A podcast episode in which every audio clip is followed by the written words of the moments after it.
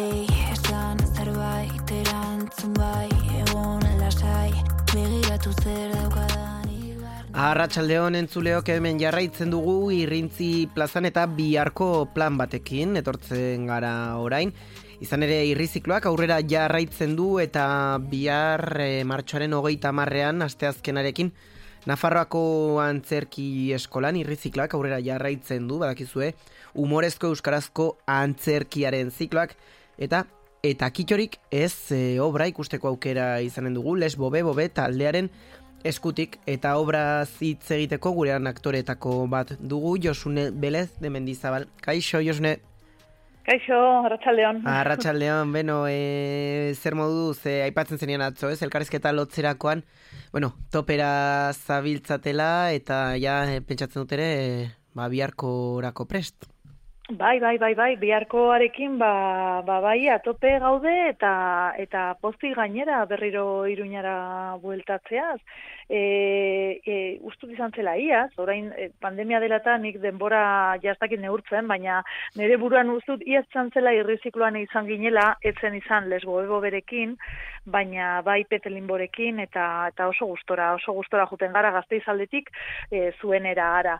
Eta orain honetan ba lesbo ego berekin, bai, da konpainia mhm. berri bat, e, hause eta kitxorik ez izan zen pandemia osteko gure lendabiziko obra, mhm. gure opera prima esango dugu, eta ba bai, nahi dugu Nafarrora jun da, da han gure umore absurdo azuei e, erakutsi. Mhm, bai, e, zurekin batera Josune, ane Gebara González de Aspuru, egongo da, ez dakite aurretik elkarrezagutzen zenuten eta lan egiteko aukererik izan zenuten. Ba, anek eta bioko intzitu genuen e, biogara gazteiztarrak eta beste mutil batek behin eskaini zigun lantxo bat, e, artestenikoetan ere bai, txotxongiloekin kukuru deitzen zen, eta, e, bueno, ikuskizuna, eta orduanko intzitu genuen, e, bata zen bestean ordezkoa, batak ezin zuenean besteak iten mhm. zuen. Eta orduan kuriosoa, eta gero, ba, bueno, gazteiz ere oso handia ez da, eta ba, bai formakuntzan eta aritu gara, eta ba, oso ondo konpondu, konpondu ginen hasieratik. E, nola etorri zen lan hau, ba, anek irabazi zuen gazte sortzaileak izeneko deialdi bat, eta berak proposatu zion garai horretan jason gerrarekin ari zen e, antzerkian, eta zan zion, jo, ba, egineko nuke zerbait, eta nahi zuen bai jasonekin, jason e, gaur egun mhm. ere lesboebo beren zuzendaria da, eta gero zan zuen, eta beste norbaitekin nire kontrakoa dena, oza, oso e, mugei buruzko e, proiektu bat egin nahi zuen, eta orduan mugak eta ezberdintasunak, eta bueno, ba, da, ni baino bajuagoa, eta ni naiz bera baino altuagoa, besteak beste, eta orduan, ba, mm, fizikoki diferentzia e, horrekin egin nahi zuen berak lan, eta jasonek esan zion, ba, zergatik ez diogo zango josuneri. Eta orduan, ba, bueno, ba, bai, elkarrazaguna ginen, duela bi urte terdi, baina ez hain beste, eta orain, izugarrizko kimika daukagu eta eta lan honi esker eta kitxorik ez, baina sendotu dugu gure konpainia, lesbobe bobe izenekoa, eta ikainan amaseian, bigure, bigarren lana etorriko da estrenaldea daukagu, baina bueno, hori etorriko da, eh? horrekin ere bagabiltza. Mhm. Baina bueno, anerekin bai, kointziditu genuen, e, eta eta gero lanean ba, top eta, eta oso gustora gira, oso mhm. erreza, bai. da, bion artekoa, bai. Mhm, bai. Eta kitxorik ez obra honetan, bueno, iru hiru aizpa zineten, ez, edo hori antzesten duzue, uh -huh. nagusia hil zen, eta beno, horrek behartzen zaituzte, ba, zuek txikiagoak zareten bi hoiei, ba, bueno, ez, e, ikastera, ez, egunerokoan murgiltzera, zer kontatuko diguzue? Bai, ba, ba begira, ba, gara bikiak, ez? E, horre, aneren em, green horretatik sortzen da proiektua, eta orduan, ba, bueno, berak nahi zituen aipatu e, mugak, eta mugekin jolasten dugu. Mugak asunetan da, bi aizpen arteko muga, ez? Dago maitasuna eta gorrotoa, ez? Piskat, hor erdi eta erdi eta nola ibiltzen diren jolasean, beti, baina beti dago zerbait hor, mm, ez dakit kalte egiten diena, edo euren harremana zikintzen duena pixkat, edo bai, e, lainotzen duena, eta eta hortikana abiatzen da obra, ez? Da bien arteko erlazioa, eta hirugarren horrekin, hirugarren aizpa hori hilzana, hor dago beti.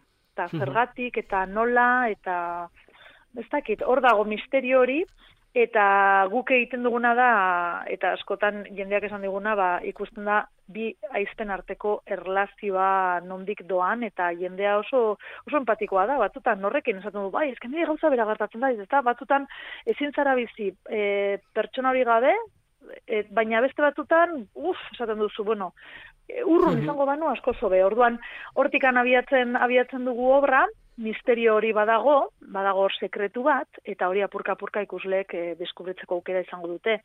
Eta hau dana plazaratzen dugu, ba, esan duan bezala, ba, umore absurdoarekin eta oso fisikoa ere bai.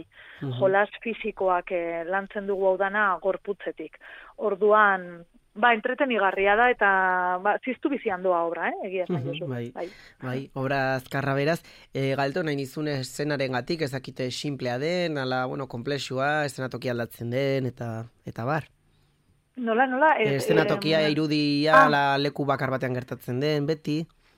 Bai, leku bakar batean gertatzen da, ze bi aizpauek, bikiak direnak esan bezala, igual pixkat ezberdina dira, fizikoki, baina, bueno, bikiak dira, ba, arrapatuta daude. Orduan, arrapatuta modu metaforikoan, baina, baina bada ere e, leku, leku zehatz batean arrapatuta daude. Hortaz, ezkena gertatzen da hortxe. Osea, beti daude etxean. Etxe barruan, hortxe daude, euren bizimodua hori da, ikusiko zaie be bai, e, bueno, darmatzaten arropa hoietan, zaten duzu, ui, zulatuta dago, ui, apurtuta dago, ba, zenba, zenba denbora eman dute hauek hemen etxe barruan. Mm Jolasten, euren artean barra egiten batzutan, beste batzutan aserre, orduan, e, bai, etxean gertatzen da dana. Ederki, e, galetu nahi nizun ez, azkenean, e, bero, ba, garai batean edo, ba, ez dakite, azken aldian, obrarik sarituenak edo txalotuenak sarri ba, horrelako dramak eta obra trascendentalak izan dira ez, baina bai. umoreak ere beti izan du ez, eber espazioa euskal eszenan, euskal, euskal herriko eskenatokietan, eta zeinen garrantzitsua den ere ez, e, tarteka behintzat barre egitea. Bai, egia esan, bada, bada, e, guk oso berezkoa daukagu, ez? Eh? Nahi dut, e, anek eta biok kointzitu baldin badugu da besteak beste, e, um, umorea dugulako oinarri ez, eta nik bizit, bizitzan badaukat e, e, umorea egunero, erlazionatzeko jendearekin inkluso, eta eta orain, ba, bueno, pandemia eta gero, askotan eskatu dizkigute umorezko, umorezko lanak ez, nahiago izaten dute. Guk les bobe boberekin e, umorea lantzen dugu batez ere, umore absurdoa, e, holan esan digute oso komikoa garela estenan biok elkarrekin, eta badaukagu beste obratxo bat, egu bion artean, e, bueno, ez da lesbo berena, baina baina biok egiten duguna, txilino txakitzenekoa, salseatu nahi bauzu hogei minutukoa, eta horre da desmadre, osea, dana ematen dugu orduan. Lesbo berekin elkarrez zagutu dugunean, izena hortik handator, ez? Ze egiten dugu bobea, guk jarri dugu pixkat glamurra, ez? Bobe, mm -hmm. olan esan da zatozu, bueno, ez frantxez, e, ukitua dauka, ez? Les, mm -hmm. bobe, bobe. Bueno, ez hori or, egiten dugu guk e, umorean, bai, gauza serioak ere umorearekin, eh? Konta daitezke, eta eta horretan horretan gabiltza. bai. bai. Ba, beno, ba, honekin nik uste dute nahikoa daukagula, Josune Belez de Mendi Zabal, eskerrik asko, Euskal Herri Irratiaren deia hartzeagatik, e, gogoratuko dugu bihar, asteazkena, ratxaldeko zazpietatik aurrera horri izanen zaretela Nafarrako antzerki eskolan, eta gu gainera bi e, sarrerak zozkatu genituen, beraz gure entzuleren bat bihar ere urbilduko da. Mila, mila esker Josune.